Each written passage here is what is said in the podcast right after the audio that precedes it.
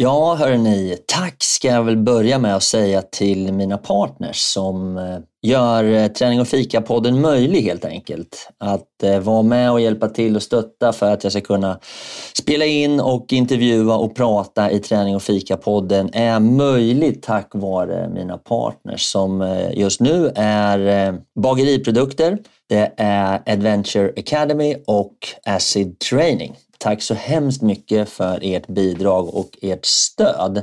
Sen kan man ju då som privatperson också gå in och stötta produktionen genom att eh, ge ett litet bidrag på till exempel Patreon. Det uppskattas väldigt mycket. Där kan du välja mellan att köpa en kaffe svart eller lägga lite mer pengar och köpa en kaffelatte och så fortsätta hela vägen upp till en riktigt härlig brunch. Så ja, tveka inte. Gå in och stötta lite. Det behövs och jag blir glad. Tack ska ni ha. Nu kör vi igång! Hiring for your small business? If you're not looking for professionals on LinkedIn, you're looking in the wrong place. That's like looking for your car keys in a fish tank. LinkedIn helps you hire professionals you can't find anywhere else, even those who aren't actively searching for a new job but might be open to the perfect role. In a given month, over 70% of LinkedIn users don't even visit other leading job sites. So start looking in the right place. With LinkedIn, you can hire professionals like a professional. Post your free job on linkedin.com slash people today. Hey, I'm Ryan Reynolds. At Mint Mobile, we like to do the opposite of what Big Wireless does. They charge you a lot, we charge you a little. So naturally, when they announced they'd be raising their prices due to inflation, we decided to deflate our prices due to not hating you. That's right. We're cutting the price of Mint Unlimited from $30 a month to just $15 a month.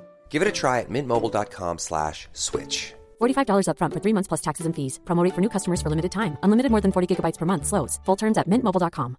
This is Paige, the co-host of Giggly Squad, and I want to tell you about a company that I've been loving, Olive and June. Olive and June gives you everything that you need for a salon quality manicure in one box. And if you break it down, it really comes out to $2 a manicure, which is absolutely insane. It's also so easy to get salon worthy nails at home with Olive and June. The difference between how your nails used to look when you did them yourself and now with the Manny system is a complete game changer. The best thing about Olive and June too is it's a quick dry. Dries in about one minute, lasts for five days, and full coverage in up to one to two coats. Visit oliveandjune.com slash perfectmanny20 for 20% off your first system. That's oliveandjune.com slash perfectmanny20 for 20% off your first system.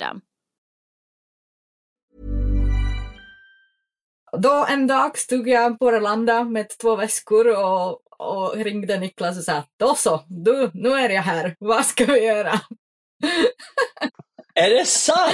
ja, alltså jo, han, jag tror han räknade inte faktiskt med att det kommer. Men, men det funkade bra, vi är gifta nu och har barn så. Fy fan vad roligt, jag är här nu. Jaha, sådär hörni. Varmt välkomna till Träning och fika-podden med mig, Fredrik Eriksson. Och hörni, idag är det faktiskt så att det är påsk. Och jag är på Mallorca och livet är toppen. Jag har precis varit och cyklat en lång runda i härligt väder, ja, plus 20 grader i shorts och jag är både trött och väldigt lycklig. Så idag känns det extra kul för mig att välkomna er till ett poddavsnitt som bara handlar om frän, coolt, svinhäftigt äventyr. Och då har jag såklart med mig Louise. Men hörni, buckle up för nu kör vi igång. Varmt, varmt, varmt välkomna! Tärning och fika, vi kör hårt. Tärning och fika, blåsa på. Tärning och fika går ihop som kaffe och popcorn. Tärning och fika, vi kör på. Tärning och fika, blåsa på. Tärning och fika, nu kör vi! Nu kör vi! Där har vi kickstarten på dagens poddavsnitt. Och idag så säger vi varmt välkomna till min kära Lojsan. Lojsan, jag, det var jag som kallade dig för Lojsan. Det tycker jag är så jävla roligt. Hur mår du? Men jag mår bra!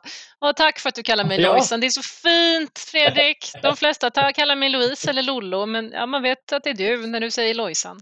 Jag mår bra. Det är påsk, ja, ja. eller påsken är på väg att ta slut. Eh, det har varit fantastiskt fint här uppe. Riktig vårvinter, härligt. Långa turer på fjället. När du säger här uppe, vad menar du då? Jag menar hemma hos mig i Furnesfjällen, där jag bor. Så det är strålande sol och toppen. Ja, men det har varit det hela påsken. Nu har det faktiskt eh, blivit lite mulet och lite sämre så här efter påskdagarna. Men vi har haft riktigt, riktigt fint. Blå himmel, i princip vindstilla. Vi har gjort långa både toppturer och turskidsturer och bara varit ute och, och hängt och grillat och, och besökt kompisar runt om i fjällvärlden. Mycket härligt, eller fjällvärlden, alltså runt om här där jag bor. Får du med dig barn ut på sånt där? Du har ju ett gäng. Mm, ibland så. Nah, eh, den äldsta han jobbar mest, men vi har hunnit med att åka lite skidor i backen. Eh, mellankillen han har faktiskt varit lite sjuk så han har inte åkt så mycket skidor med mig. Och min yngsta hon hänger på ibland men det är mycket kompisar nu när man precis ska bli tonåring. Så att det är inte så mycket Ja, som när de var mindre. Nej, jag får ju också här cykla själv. Jag åker både cykel och rullskidor på Mallorca nu. Det är så fint väder och det är fantastiskt. Men det blir ofta jag och lite kompisar och polare och sådär. Elisabeth har ju eh, skadat knät så hon, har faktiskt, hon brukar följa med och cykla ibland. Vi brukar ta en cykelsväng i bergen här och så ta en fika. Apropå fika du Louise. Ja, jag försöker alltid undra om du är rätt som där kommer överraska mig med något gott kaffe, men det kommer du alltså inte göra. Ja, men jag har faktiskt druckit kaffe i morse lite grann. Så snart så kommer jag dricka kaffe även dricker i du då? Ja, men jag är inte så kaffe, alltså jag är inte så kaffekinkig så jag tar det, sonen som jobbar, när han har gått upp och gjort kaffe, om det finns en skvätt kvar i termosen så dricker jag det med havremjölk, en barista havremjölk. Ja. Men nästa gång vi ses då ska du få bjuda på riktigt gott kaffe. Ja, då ska jag göra med all kärlek som jag kan så att du känner att det verkligen är gjort med stort hjärta. Här på Mallorca så dricker man ju oftast sån här, eh, de har ju inte vanligt bryggkaffe, de har ju sån här espresso, olika varianter och så får man ta sån och så blandar de i vatten och så blir det americano. Och det är det där man får dricka här. Men det är också ganska gott, men det är inte lika gott som vanligt bryggkaffe hemma tycker jag. Liksom. Eh, man, ibland kan man få tag i filtered coffee, då, det är riktigt gott. Så men annars är det väl hyfsat gott tycker jag. Eh, jag är inte så här kaffe. Däremot så fick jag ju tag i en sån otrolig bulle som de hade gjort här på Palma Bread som det heter. Och då, där hade de tagit då en croissant och stoppat i lite, ja, någon härlig gegga som var lite äpple och eh, marsipan typ inuti. Och sen hade de klätt den här bullen med mandel och honung och eh, alltså, och så jag, gjorde, jag vecklade upp den på min eh, Insta här eh, i veckan så, och den delar jag och Lisa på. Den är så jävla god. Så, uh, tur att inte man äter den varje dag. Eller ja, det gör jag nästan, men hur som helst. Det låter ju det låter som en hel måltid det där. Ja, fy fasiken alltså. Riktigt gott. Men du, vet du vad? Eh, dessutom är det svenskar som äger kaféet här, så, så det är liksom jättebra råvaror och toppen. Så att jag är så, så glad. Jag, jag brukar slinka förbi där typ varje dag. Vad gör man inte? För känna sig lite svensk här och var. Och du, apropå det tänkte jag faktiskt, vet du vad? Apropå att vara svensk. Vi har med oss en tjeckiska idag, som vi ska prata med. Stämmer det? Eller hur? Simona är med oss idag. Ja, och vi ska bjuda in Simone här snart och lyssna på henne och prata med henne idag lite grann om både hennes äventyr, vi ska prata med henne om och hur det är i Tjeckien och äventyra och så vidare. Så det kommer bli väldigt, väldigt spännande faktiskt. Med det sagt då, Lojsan, då kickar vi igång. Det gör vi.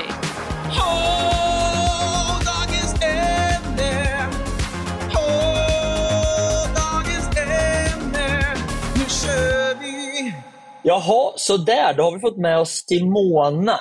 Hörru du Simona, varmt, varmt välkommen till vår lilla mysiga äventyrsstudio som jag och Louise har satt upp tillsammans med dig och vi ska prata med dig nu och det ska bli så roligt. Eh, varmt välkommen, hur mår du Simona? Stort tack och tack att jag fick vara med. Uh, jag mår utmärkt. Jag är i fjällen. Uh, var också mycket nu under påsk Uh, på äventyr med topptur och lite sån turskidor. Så livet är bara perfekt. Mm. Vart är du, sa du? I fjällen? Jo, jag är i Åre, eller lite, alltså halvtimme från Åre. Vi har en litet hus här, så vi njuter varje minut här. Eh, så Åre, Jämtland. Härligt. Hörru du, kan inte du eh, både berätta vad du heter och vart du kommer ifrån och vad du har för familj och barn? Alltså berätta lite grann för oss som inte kan så mycket Simona. Ja, självklart. Vem är du? Ja. Uh, så mitt namn är Simona, jag kommer från Tjeckien. Har bott i Sverige, nu blir det 12 år. Uh, jag kommer från en pytteliten by uh, eh, i den tjeckiska bergen som heter Beskidi och de ligger i östsidan uh, av Tjeckien, nära Slovakien och Polen. och jag är uppväxt i, ja, utom hus. Uh, eh, alltså vi har lekt ute och sprang i skogen och bergen alltså från när jag var född. Så, så friluftsliv är jättemycket alltså nära till mitt hjärta. Uh, men sen uh, träffade jag min man uh, i Schweiz när jag åkte skidor. Och han var självklart svensk. Så han har tagit mig till Sverige. Så Sverige var aldrig på min lista. Jag trodde jag kommer att bo i, i Schweiz eftersom jag älskar så mycket bergen och åka alltså alpin och skidor och toppturer. Men uh, kärlek uh, faktiskt tog mig till, till Sverige. Och jag ångrar mig inte. Uh, det var det bästa som kunde ha hänt till mig. Uh, och då började jag mitt nya liv här i Härligt. Sverige och faktiskt uh, förstod att Sverige är så cool uh, land. Men nu har ni, Simona, eh, familj också? Ja, precis. Eh, jag har ett eh, litet barn, en dotter som är 15 månader. Så eh, det var en stor omställning för mig att eh, bli mamma. jag tycker att det är den största äventyr i, eh, i mitt liv faktiskt. Och man måste räkna med eh, allt och ingenting. Nu eh, Simona sitter du med två garvade föräldrar här, Louise och Fredrik Eriksson. Vi, har ju, vi, vi förstår och kan och vet vart, både vad som kommer och väntar och hur det har varit. Vi är väldigt imponerade och tycker att det är mm. fantastiskt kul för dig såklart. Eller hur Louise? Mm.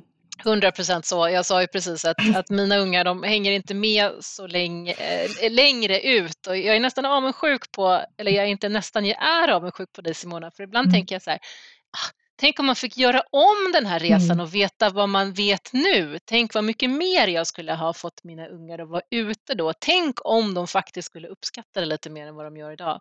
För nu vill de mest vara i stan och spela datorspel eller åtminstone vara inomhus. Så att, eh, ja, njut medan du kan, tvinga barn och följa med ut.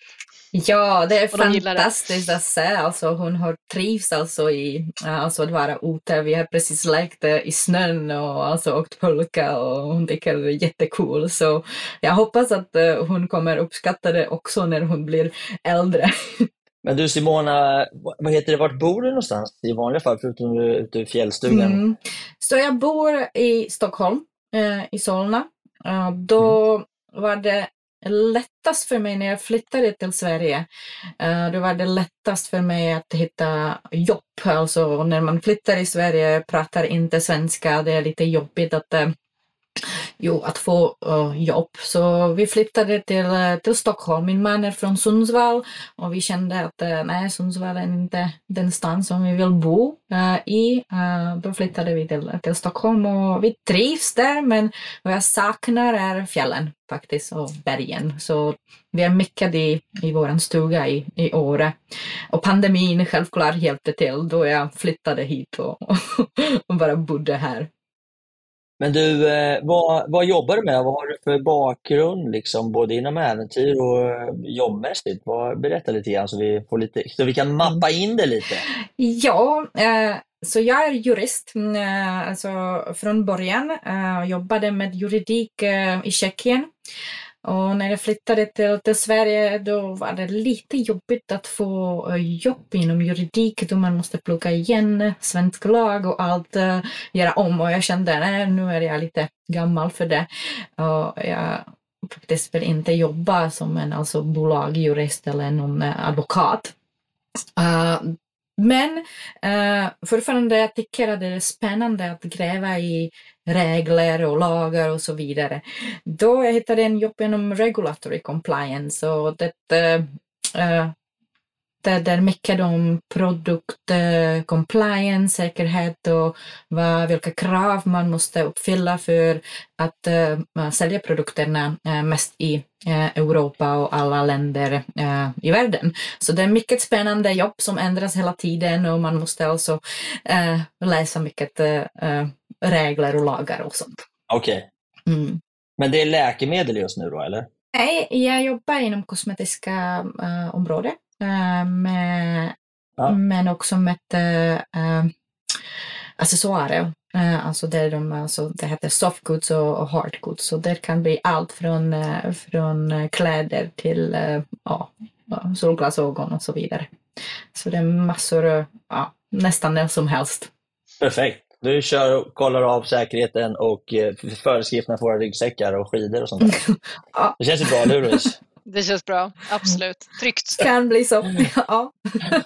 Ja, men vad härligt då. Sen är det ju så också Simona att eh, en av anledningarna till att vi vill ha med dig här, förutom att du är en härlig tjej, det är att du kommer från Tjeckien, men också att du har gått Adventure Academy tillsammans med mig och Louise eh, för ett par år sedan och då gjorde du ett fantastiskt härligt äventyr som vi tänkte försöka djupdyka lite grann i, eller hur?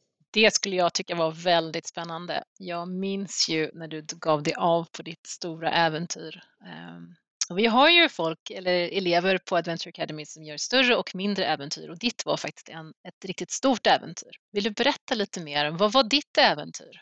Ja, det ska vi få höra när som helst. Men du Simona, vi gör en klassisk cliffhanger tycker jag. Det brukar inte jag göra så ofta, men nu gör vi en sån.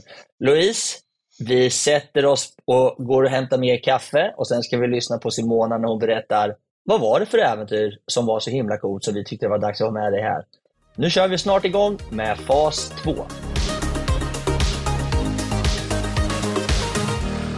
Så där då, då kör vi väl igång igen med ny, nytt kaffe och nypudrad näsa och tok-taggade för att lyssna på Simona när du tar oss med på ditt äventyr. Och vi undrar ju fortfarande lite grann, vad var det för äventyr? Berätta!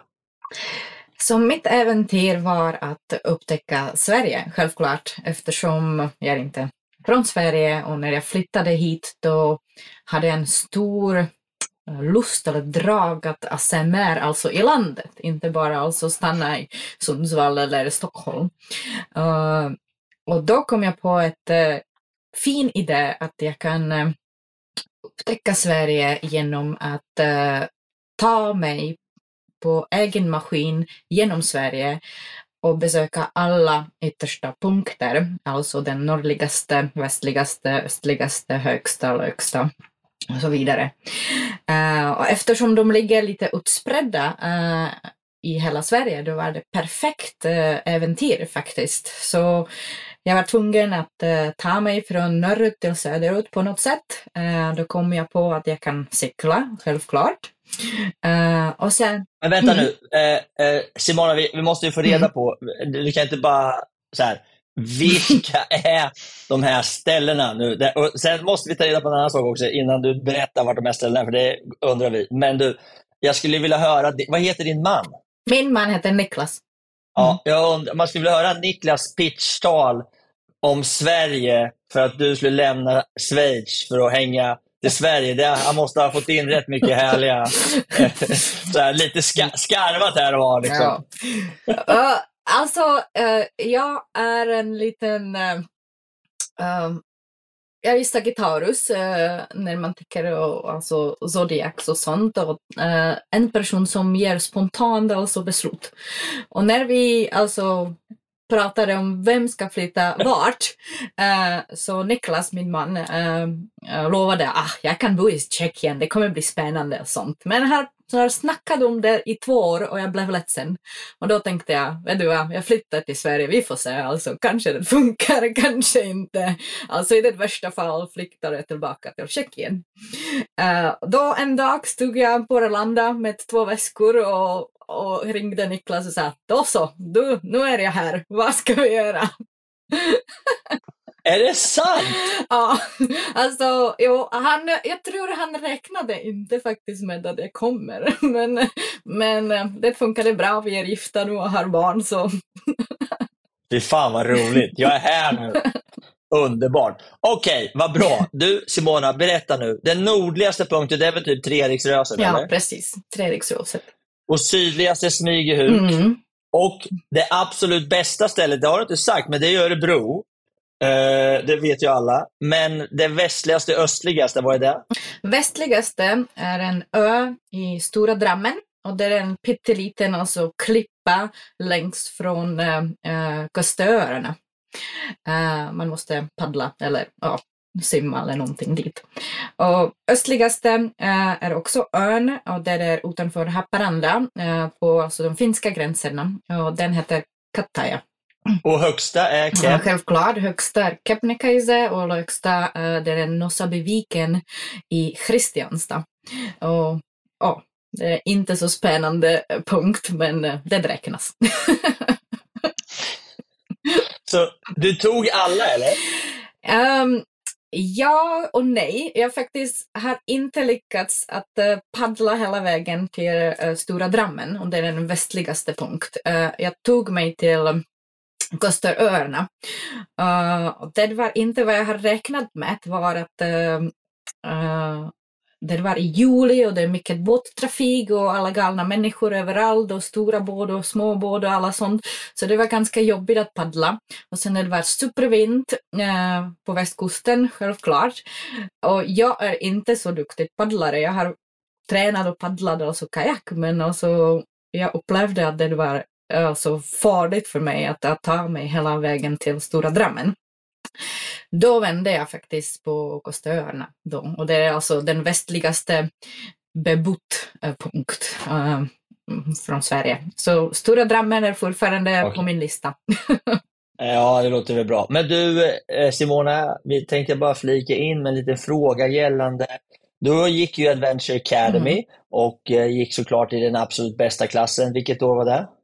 2017. Ja, Mm. det, är, det är såklart den absolut Ja, bästa klassen. Men du. Simona, du har också gjort en Ja, du har också gjort en hel del andra utbildningar. Kan du berätta om din liksom, eh, guideutbildningsdel och liksom så, lite sådana här Mm. saker? Det vore kul att höra. Ja, ehm, alltså jag är utbildad fjällledare och jag hade faktiskt börjat redan alltså innan mitt äventyr eftersom jag tänkte att eh, jag måste tillbaka till mitt friluftsliv och mina passioner eftersom som sagt jag kommer från en pytteliten by och från landet och vi var ute jättemycket och eh, min familj är jättemycket alltså sportsfamilj. Min pappa är alpintränare, min syster uh, också åkte skidor, jag har också alltså, tävlat i skidor. Så vi har gjort jättemycket när vi var barn. Eh, och sen uh, i ungdomsålder också. Men sen man blev vuxen, började jobba och man tappade bort lite den uh, biten. Och jag kände jag behöver det i mitt liv. Och då började jag utbilda mig till fjällledare. Och sen på den här utbildningen faktiskt, jag har träffat en, en uh, kompis eller en uh, som sa att jag gick Adventure Academy alltså förra året. Då började vi snacka vad är Adventure Academy och tänkte jag wow, det är precis för mig. Alltså jag måste, måste ha den här kick i livet för att alltså börja någonting nytt. Och då sökte jag till Adventure Academy med äh, mitt äventyr äh, som var också lite galet eftersom jag har aldrig cyklat i mitt liv äh, längre än eh, 60 kilometer och nu skulle jag cykla typ 300 mil. Men eh, som sagt, jag är lite galen och spontan i, i era beslut. Härligt. Men du vet, eh, Simona, här i Sverige så är det så här att eh, går man på en kurs tillsammans, sen är man kompisar med alla där. Det är så Ja. det funkar här i Mm. Sverige. Så du är bara, det är bara kompisar överallt. Ja, okej. Du, eh, det var ju kul att höra det där då. Men du, det här med att ta sig runt då. Berätta, hur resonerar du och vad hade du för olika sätt att ta dig fram genom Sverige? Och fyll, fyll in oss här och berätta. Jo, alltså jag vill att det är en utmaning, att det är någonting ny, att jag går outside the comfort zone, att det inte är alltså någonting som man kan uppleva på en helg eller en vecka. Och därför jag gick all in. Och när jag tittade på alla de sex punkterna och så på kartan, eh, då var det eh, klart att alltså, ma- jag vill inte åka bil eftersom det blir ingen äventyr. Alltså det kan bli äventyr, men jag vill njuta alltså naturen och ta in allt som kommer när alltså man färdas alltså genom landet. Och det bästa sättet är att uh, göra det på sin egen sätt. Uh, äntligen på cykel eller vandra eller sånt. Men för att vandra det kommer ta, alltså det, det tar ganska lång tid och då cykel var en fin färdmedel för att uh, cykla i lagom tempo, stanna vart man vill, tälta om man känner sig trött och bara alltså vara sin egen chef att besluta alltså hur mycket jag vill cykla på en dag eller så vidare. Inte ha så mycket press men fortfarande uh, ta sig från en punkt till en annan. Så jag har jag hade inga stora planer. Jag alltid på morgonen satt med en kopp, kaffe eh, alltså utanför tältet, tittade på kartan och tänkte åh, idag jag kan kanske cykla någonstans här, hit och sånt och tälta, alltså det ser bra ut hit och dit.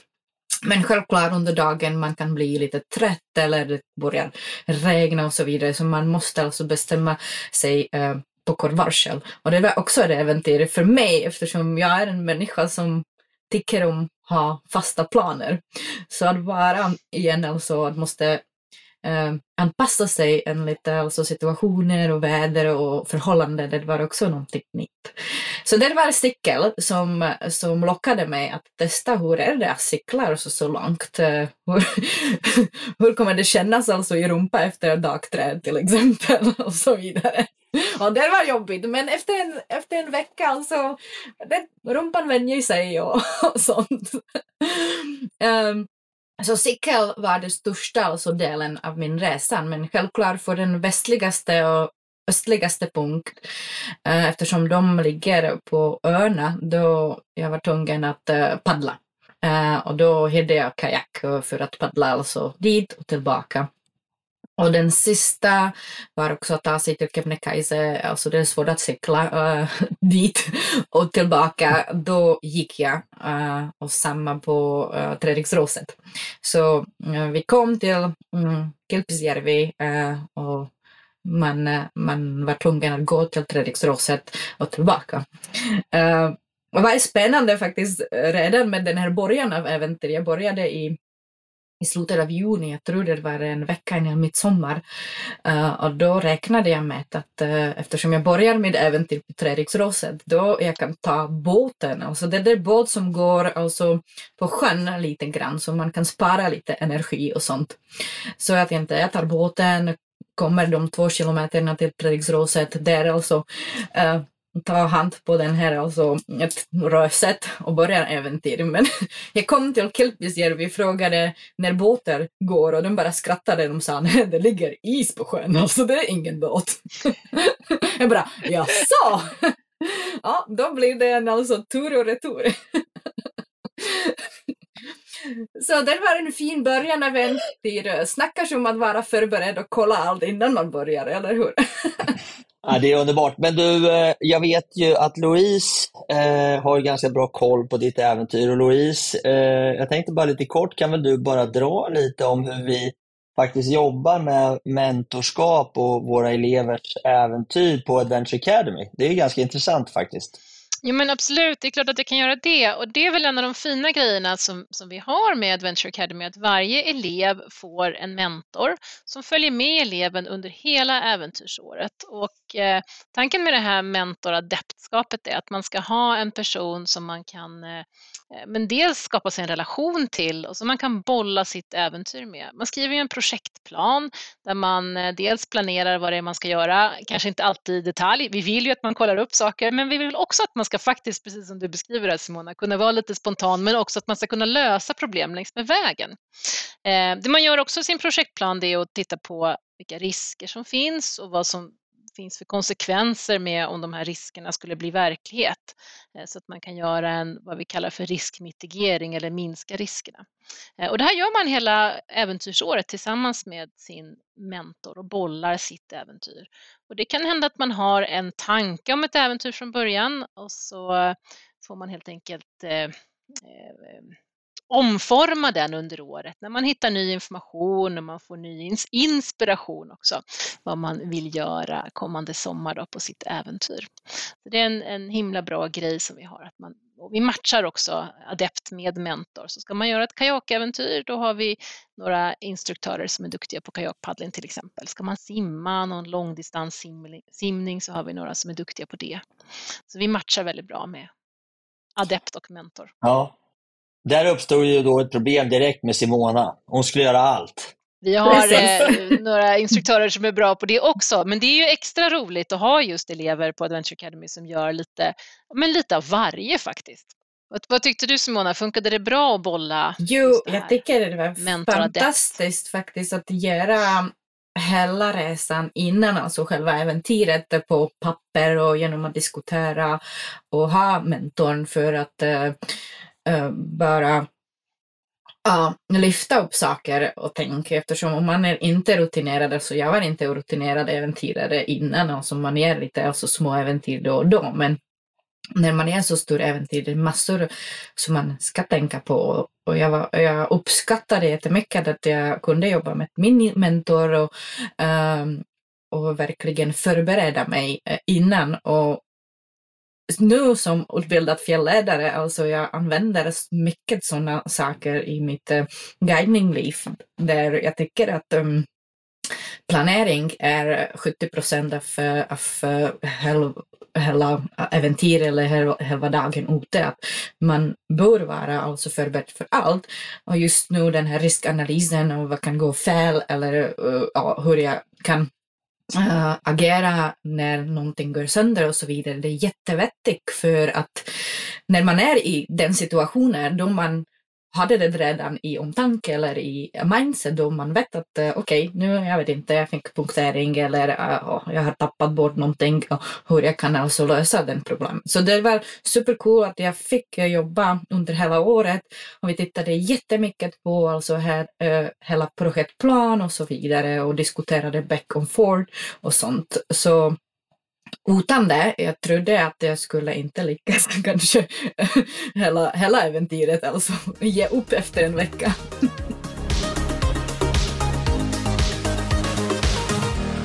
Men du eh, Simona, nu vill vi höra vidare då. Vad hände då? Du startade uppe i Treriksröset och sen tog du direkt ut med kajak till den här ön. Och sen fortsatte du på cykel söderut då, eller vad, vad var... Ja. Och rumpan fick sen eh, en stöt där i början och sen kom tillbaka. Hur var det annars då? Så precis, jag började på Treriksrosed och nästa stopp var uh, Haparanda och Kataja, uh, 50 mil uh, söderut.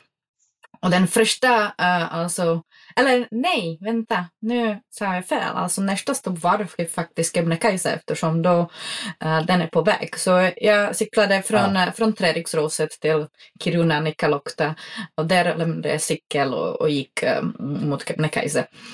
Uh, och det var skönt eftersom jag tror det tog mig fem dagar på cykel till Nikkaluokta och sen alltså det var fyra eller fem dagar utan cykel för att bara alltså lite alltså uh, avlasta rumpan och allt och faktiskt fatta vad som händer.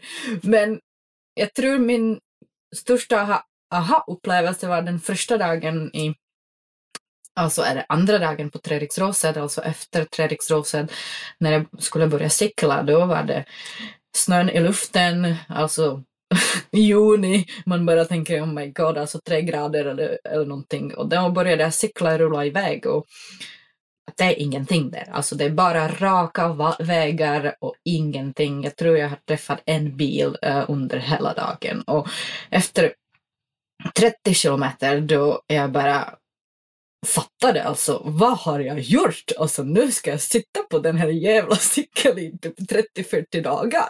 Jag kommer inte palla det. Alltså jag var redan trött, jag var redan trött efter de 30 kilometerna. Och då tänkte jag, mm, det kommer bli verkligen spännande om jag kommer kunna uh, cykla hela vägen till Smygehugg. Um, så de första dagarna det var bara alltså att vänja sig att uh, okej, okay, nu har jag ont i rumpan, nu har jag ont i knäna, alltså det går jättelångsamt eftersom man cyklar inte så fort när man har en stor bagage uh, på cykeln. Man, man kan inte cykla så fort, så det går långsamt, man är hungrig, man är trött hela tiden. Eh, så första veckan var jobbigt. Och sen kom jag till Nikkaluokta och det bara okej okay, nu ska jag bara bestiga Kebnekaise. Eh, så det var, ja, eh, det var spännande. Men du Simona, om man, jag som inte, Simona, jag som inte kan så mycket om, om tjeckiska bergen och så här, höga tjeckiska, mm. vad kallar man det för? Tjeckiska bergskedjor eller vad kallas ja. det?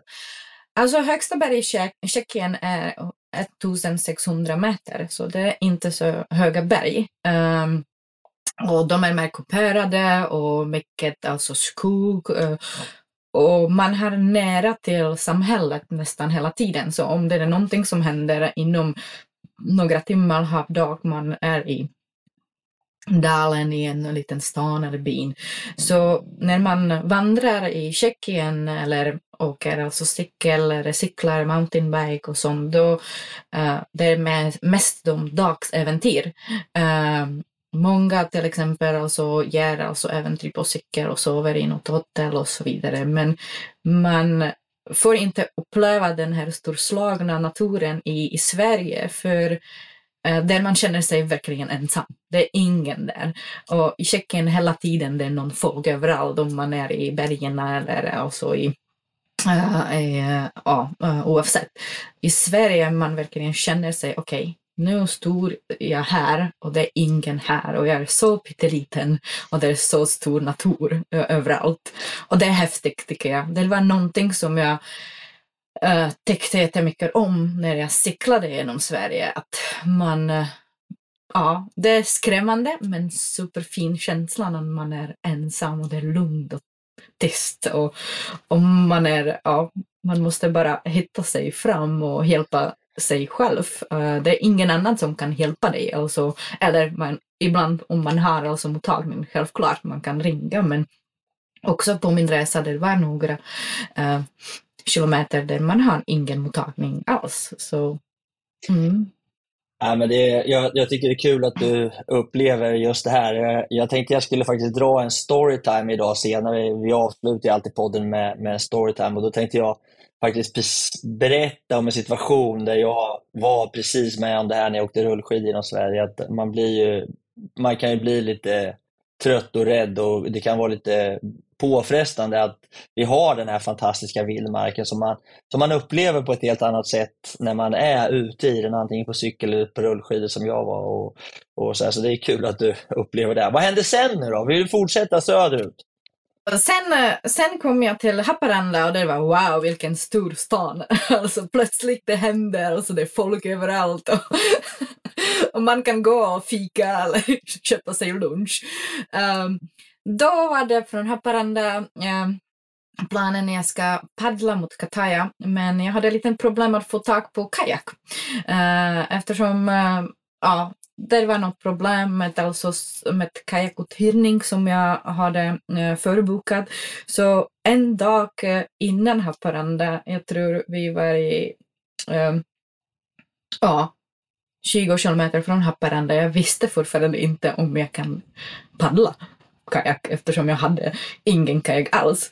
Så jag sov någonstans i, i något, på något camping och ringde överallt. Och sen vi fick tag på, eftersom min man var med mig då, han har filmat mitt eh, äventyr delvis, så där han har varit med mig och jag ville också ha honom när jag paddlade, att han kan åka båt för, att, eh, eh, för säkerhets skull. Så vi satt där på campingen och tänkte, tänkte har jag ingen kajak, jag kommer alltså behöva simma, eller jag vet inte hur jag kommer klara de 15 kilometerna till Kataya. Alltså det var lite svårt, ringde överallt. Och sen hittade vi en en finsk äventyrare eh, som hade en båt och en jättegammal kajak utan rot. Han tänkte att ah, jag kan alltså låna, låna båda två här och jag kan alltså komma till, till Haparanda och ni får, ni får paddla. Men båten var den här båten som man eh, faktiskt kör på, på ön, alltså i, i floden. Det var alltså den här lång båt, inte båt som kan alltså uh, köra i på havet. det var jätteostabilt. Så när jag paddlade i den kajaken som jag hade svårt att uh, roda med, jag var rädd för min man eftersom han satt i den här träbåten som var superpitteliten och jätte inte tjock alls. Och den bara alltså vinkade sig så med allt kamera och utrustning. Och jag bara tänkte, alltså han kommer kapsejsa, alltså det kommer gå inte så bra. Men i början det var superfint att bara alltså eh, paddla eftersom det var ingen vind och som det blev till slut, det kom mycket vind och vågor och, och min man bara tittade på mig och sa vet du vad, jag måste alltså nu åka till alltså den här jävla sjön eftersom, eller ön, eftersom annars jag kommer aldrig klara det. Säg så, hej då, you are on your own. Så han bara... Är det sant? Han lämnade? Han bara lämnade. Så han drog? Han drog, han bara lämnade mig alltså mitt i alltså havet. Jag med ett kajak Uh, jag bara tänkte okej, okay, så jag hoppas jag kommer alltså fixa det här. Så, men det gjorde jag uh, så småningom. Så när jag kom tills, tills ön, han stod där alltså på stranden och bara vinkade bara vi har klarat det! så, så det var, uh, jag tror det var det, det mest dramatiska momentet i hela äventyret. Att, det låter ju nästan som att det var tuffare för han. jo, Jo, ja, han var ganska rädd. Uh, och sen, det var samma på väg faktiskt tillbaka från, från ön eftersom uh, det var ovädret på gång och lite alltså storm uh, som ska börja klockan elva på nästa morgon. Vi sov alltså på, på ön. Uh, så han vaknade med klockan fyra bara, nu måste vi börja paddla, nu måste vi alltså tillbaka innan stormen kommer. Så jag sov nästan typ fyra ja. timmar max och sen paddlade tillbaka. Så det var alltså mm, östligaste punkten. Kataya med mycket mick och, och, och vind. ingen där, alltså på den här ön där det finns ingen alltså byggnad eller något, det finns ingenting, bara, bara mick och, och skog. Mycket mygg i Norrland. Men du, eh, jag tycker det mest var spännande att relationen höll även fast han lämnade det där. Du verkar vara en väldigt förstående fru. Jo, alltså jag var rätt för honom. Alltså om ni såg honom i den här båten, ni skulle förstå. Så jag tänkte, jag har trick i kajaken. Um, han, han verkar att ha ingen koll på att uh, åka den här båten, så det är okej. Okay. Okej, okay. och sen vet jag Simona att när du skulle till den västligaste mm. punkten mm. ute, mm. ute i Göteborgs skärgård, då var det också ganska stökigt och rörigt. Jo, precis. Alltså det var mycket fint, eh, som på västkusten eh, brukar vara. Uh, och det är stor skillnad mellan ja. att uh, paddla alltså på östkusten och västkusten. Uh, det var mycket, mycket vind, vågor och båttrafik. Eh, så jag kom till eh, Strömstad.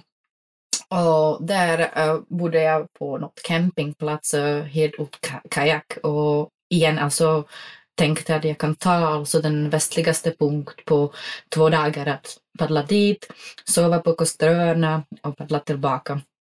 Men det är ganska stor mellan alltså fastlandet och Kosteröarna. Det är nästan tre, fyra kilometer alltså öppet havet och det var lite läskigt att paddla faktiskt. Uh, att, uh, och då min man följde igen med. Alltså han följde med mig från Treriksröset till Haparanda och sen cyklade jag den här lit, liten bit från Haparanda till Strömstad själv. Uh, han um, kom till Strömstad eftersom han ville igen dokumentera alltså mitt äventyr.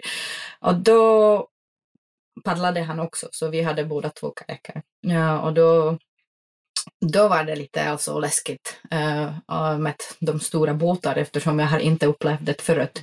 Att, uh, igen, att komma från Tjeckien, eh, man inte paddlar havskajak, alltså för mig det är det helt nytt sak att paddla kajak och det är jättekul, jätteroligt men jag kände mig att jag har inte erfarenhet för att uh, kunna ta mig på säkert sätt, alltså hela vägen till Stora Drammen. Uh, och då, eftersom vädret ser inte fint ut för de nästkommande dagar, man har lite press på sig, man måste alltså uh, gå vidare i sitt äventyr, man kan inte stanna många dagar, ehm, då jag jag tvungen att vända. Och det är någonting som jag kanske kunde eller ville göra bättre alltså nästa gång att i mitt äventyr jag hade inte så många reservdagar så jag hade den här konstant push uh, om man behöver det. Uh, alltså att uh, om någonting går sönder eller väder är inte på din sida då man måste ha lite mer dagar att bara alltså vila och vänta. Men du eh, Simona, tiden går så otroligt fort. Det är så kul att höra om dina äventyr här. Men någonstans sen så då kom du dig för att vända tillbaka in mot land och ta dig ner till södra Sverige på cykel då igen? Eller? Ja, precis. Så från Strömstad, eh, jag cyklade igen äh, den västkusten eh, äh, cykellät som heter Kattegattleden, jättefin alltså lät. Alltså äntligen man är inte oroad för alltså biltrafik och jag njuter bara alltså cykla västkusten. Det var fantastiskt och jag vill komma tillbaka där. Um, och någonstans under Halmstad började jag igen korsa Sverige mot, äh, mot äh, ostsidan till Kristianstad och Nossabyviken och ditåt. Och jag kommer ihåg att faktiskt jag låg lite bak i tiden eftersom mitt äventyr tog eh, sex och en halv veckor. Men på jobbet jag tog tjänsteledigt eh, för fem veckor. Och då mm, någonstans i Strömstad jag visste alltså jag kommer inte hinna det, alltså det är jobbigt. Då ringde jag min chef och sa du, jag har dåliga nyheter, jag är fortfarande inte alls klar, jag har typ en vecka jag måste cykla en, en vecka mer, alltså jag vet inte hur jag ska lösa det. Jag vet att jag ska vara på jobbet på måndag men det kommer inte hända. jag måste cykla vidare. och hon bara alltså sa mig, vet du vad, vi följer dig på alla sociala medier. Om du inte vill göra det för, för dig, du måste göra det för oss. Alltså du måste cykla vidare. Vilken fantastisk underbart. chef! Det är ja, underbart att höra. Jag vet och jag var så, alltså det var så stor lättnad att jag behöver inte cykla typ fem, 50 eh, mil på två dagar. Uh, då fortsatte jag cykla och också fortsatt njuta men jag var också alltså, ganska trött. Jag vet att någonstans där i Småland och så jag tänkte oh, alltså, nu pajar det inte alltså, all min kropp alltså var slut och jag var tvungen att cykla alltså tio mil per dag för att hinna.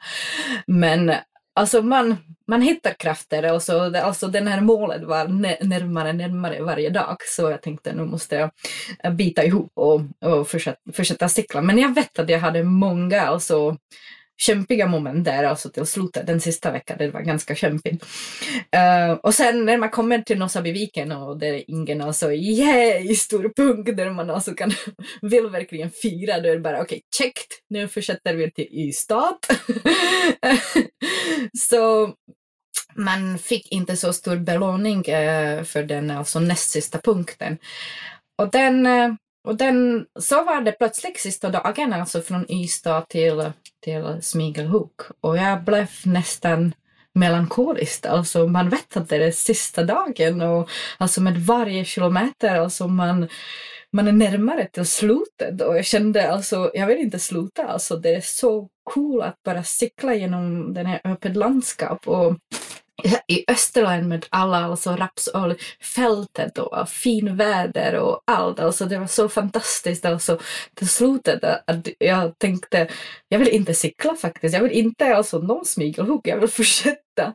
Så jag vet att jag har gråtit alltså hela den sista dagen innan jag kom till smigelhugg. Um, och fick den här alltså uh, post-adventure depression uh, redan den sista dagen. Ja, det är underbart. Du eh, Simona, eh, tack så hemskt mycket. Jag och Louise har bara kanske några små funderingar som vi skulle vilja ta med dig innan vi släpper iväg dig ut i Åre, Årefjällen. Men, men en fråga som vi har lite grann som skulle vara kul att få höra, det är så här, dina, du kommer från Tjeckien och uppväxt i Tjeckien och där har man en annan syn på, på eh, allemansrätt och sådana här saker. Och så kom du till Sverige och, och eh, din man och så vidare gjorde det här äventyret och så vidare. Men, men om man jämför dina upplevelser från, från din ungdom eller din, din, din, dina år i Tjeckien mot den här tiden som du nu har varit i Sverige 10-12 år här. Vad, vad, skulle kunna vara de största skillnaderna och, som du har upplevt? Um, jag skulle säga att det är den, den här storslagna naturen som man har svårt att föreställa sig om man, om man har inte varit i, i Sverige eller Norge eller Finland förut. Uh, att det är så stor yta och man är själv ensam utan något uh, mottagning.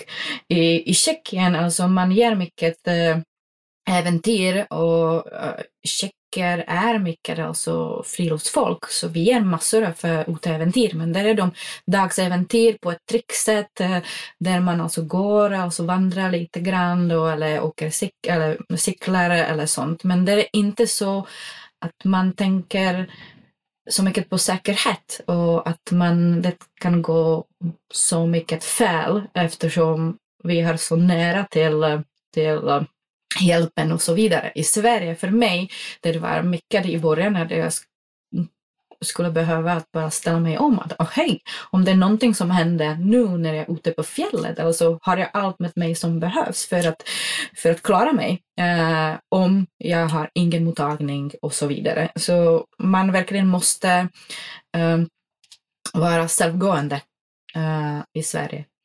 Jag funderade på en annan sak Simona. Eh, det här stora, långa äventyret du var ute på och arbetsplatsen var med dig och hejade på dig. Vad ledde det till för förändring för dig att, att vara ute så här länge och upptäcka Sverige? Jo, det var faktiskt en stor förändring i mitt liv eftersom när man är uh, ute så länge och själv, man har mycket tid att fundera uh, och uh, Eh, fundera, är det ett liv som jag vill leva, alltså på kontoret i storstan, eller vilken liv vill jag ha? Och det blev mer och mer tydligt för mig att eh, alltså friluftsliv och vara ute i naturen, det är en stor del för, för mig. Jag kan inte vara utan det. Så när jag kom tillbaka till jobbet, eh, jag var, alltså jag tror jag är en annorlunda person, så det var jättemycket en, en stor reset för mig att uh, tänka på den här livskvalitet. Vad är livskvalitet för, för mig? Och för mig är det att vara närmare naturen. Och oavsett att jag fortfarande jobbar med vad jag jobbar, uh, jag har kommit till att jag jobbade 75 procent innan jag blev gravid för att uh, jag kände att jag vill guida mer och vara ute. Uh, jag har ställt massor av saker på jobbet och jag är jättetacksam att de alltid alltså, uh, säger att jag kan göra, jag får göra sådana saker. Så jag har en trygghet i en fast jobb, men uh, jag kan göra det som jag brinner för och det är friluftsliv, uteguidning och, och det är mina egna äventyr. Ehm, så Adventure Academy äventyr var för mig en stor livsförändring och det är jag tacksam för eftersom jag har hittat tillbaka till mig själv och mina värderingar och min, eh, ja, vad är, vad är min livskvalitet? Det är ju helt underbart att höra. Att jag får lite är... rysningar. Ja, det är ju ja. fantastiskt. Ja. fasiken. Snacka om att slå in öppna dörrar för Louise. Nej, men det är helt underbart att höra och just det här är ju liksom, det, det, är ju vad som driver mig och få människor att vilja vara ute mer i äventyret. Just det där att hitta vad brinner jag för? Vad är mina värderingar? Vilken sorts liv vill jag leva? Och det är inte alla som vill hoppa av ekorrhjulet, man kanske, men man kanske vill göra någonting mer än bara vara i ekorrhjulet. Och du beskriver det så fantastiskt bra. Tack så jättemycket Simona. Tack själv Simona. Det är mm, toppen att höra dig och eh, vi är så glada att vi får lyssna på dig och vi är framförallt glada att du har valt att stanna i Sverige istället för Tjeckien. Inget fel på Tjeckien, men Sverige är fett bra. Jag håller med och jag kan inte föreställa mig att flytta tillbaka till Tjeckien. Alltså, Sverige är mitt land nu. Jag tror jag har varit i så många platser i Sverige som en vanlig svensk har inte varit än. Så, uh, så ja, jag, jag känner till Sverige ganska bra just nu. Veckans fråga! Du måste våga ställa veckans fråga. Veckans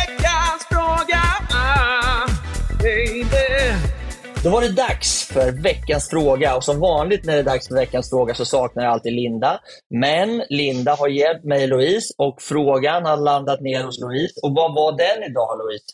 Ja, men frågan den har att göra med att gå på topptur eh, och det är ju någonting vi gärna vill göra så här när det är vårvinter. Eh, så frågan lyder så här, vad ska jag ta med mig när jag ska gå på topptur? Vilka, vilken utrustning är bra att ha med sig? Och då har vi med oss Simona. Ja, men Simona som är topptursguide. Eh, jag tänker att de tre självklara sakerna det är ju spadesond och transceiver så man kan hantera en lavinsituation. Eh, men vad ska man ta med sig mer tycker du är smart Simona? Ja då, eh, då skulle jag säga att tänka på säkerhet. Och jag alltid har med mig en vindsäck, speciellt när man turar i Sverige eftersom väder kan vända jättefort så man kan gräva sig in i snö eller alltså söka skydd. Eh, den andra saken är karta.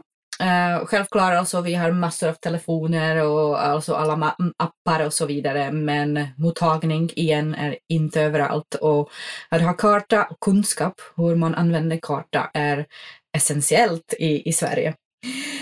Och sen Alltså det är massor av prylar som man kan ta med sig men jag brukar alltid ha en extra tröja och vantar då man svettas eh, mycket och man kan bli kallt jättefort och det är alltid bra att eh, till exempel när man går upp på toppen och sen byta alltså tröja eller, eller vantar eh, för att vara, behålla värme. Så det är mina tre saker som jag kan tipsa om. Gud vad bra!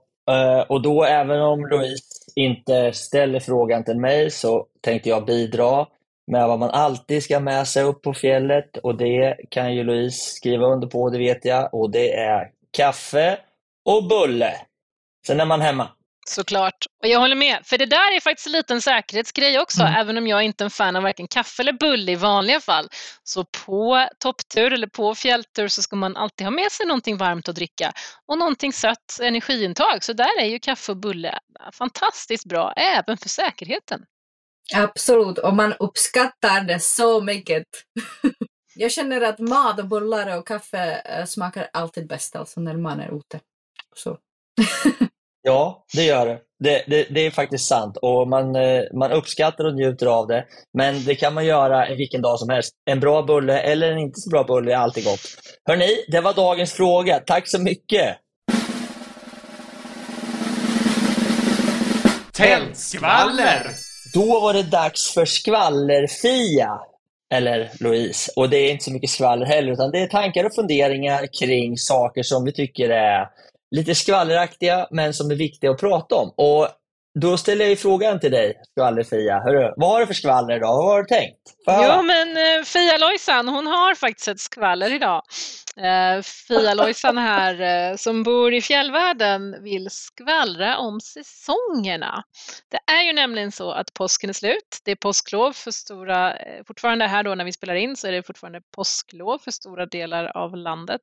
Men sen stänger skidanläggningarna i slutet av påsklovet. Det är alltså mitten av april och det kommer inte fler gäster upp till fjälls och åker skidor framförallt i backarna. Då.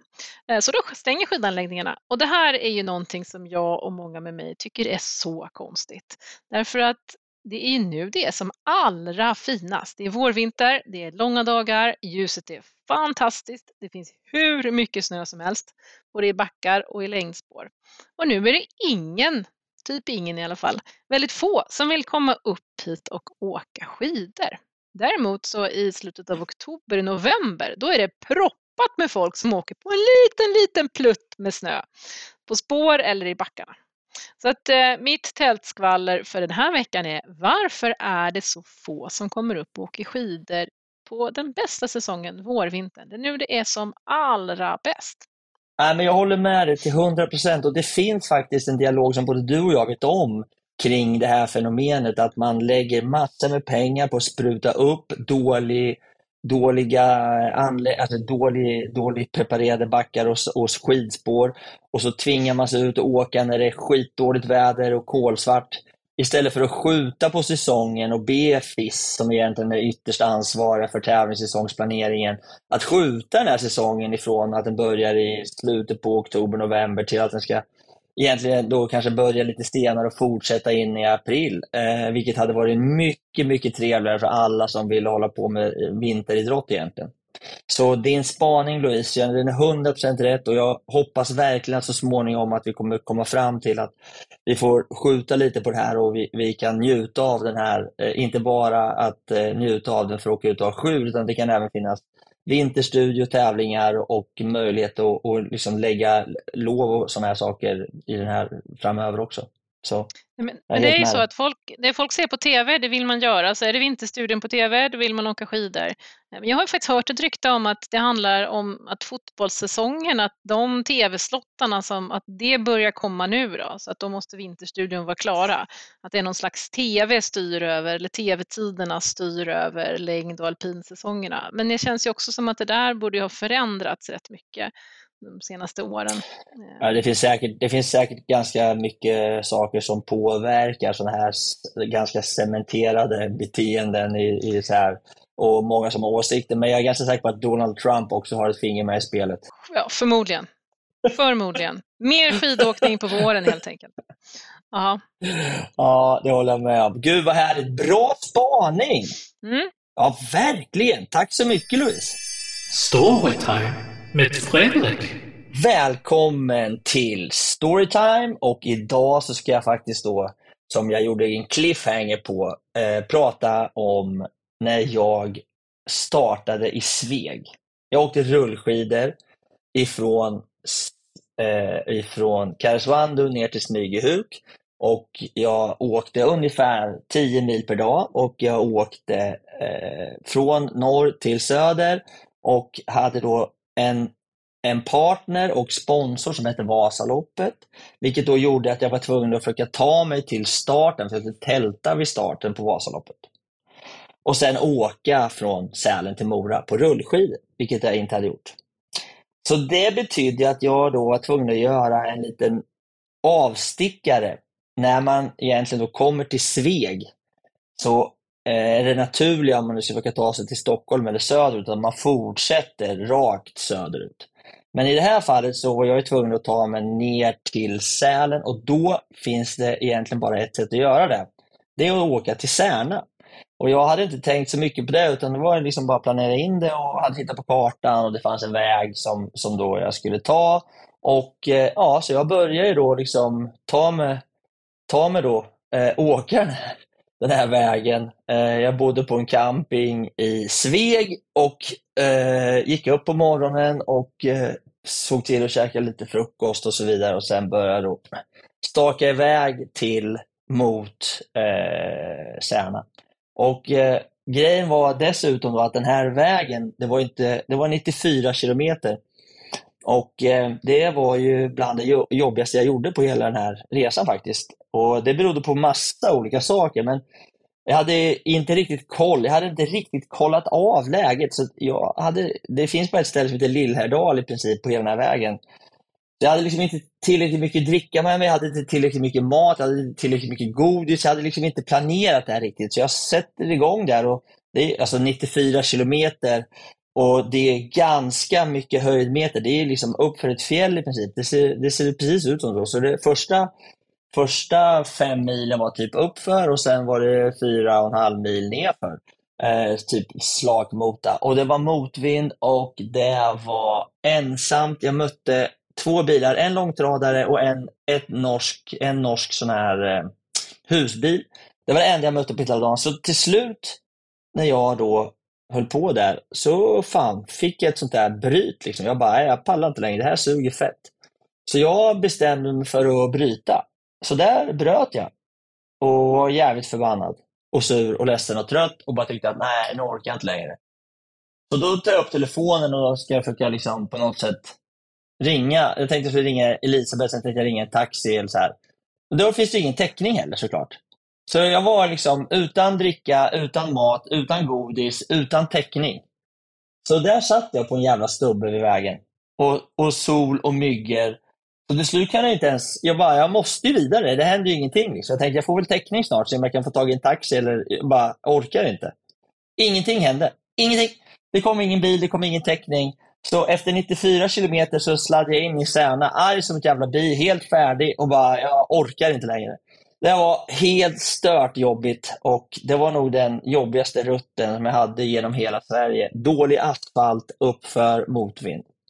Så hörni, det kan jag rekommendera er att skita i. Åk inte från Sveg till Särna på rullskidor. Eller egentligen inte på cykel heller. Det är inte speciellt kul. Det är bara skog och eh, du träffar ingen, du har ingen täckning och det finns ingenstans i princip att stanna. Så det var en tuff dag för mig och eh, jag kommer aldrig glömma den. Och eh, jag eh, kan väl lite förbanna min egen ignorance, att jag inte hade bättre koll på läget och mer planering. Men så var det i alla fall. Jag kom igenom, jag var bra trött och sen så småningom så kom jag ner och fick ta en natt på Vasaloppsstarten, vilket var underbart. Och sen så småningom kom jag till Mora och då börja känna att jag kom till civiliserade trakter igen, vilket var härligt. Så hörni, tack för idag och eh, ha en underbar dag. Snart kommer nya avsnitt också såklart av Träning och fika och eh, kram på er ute.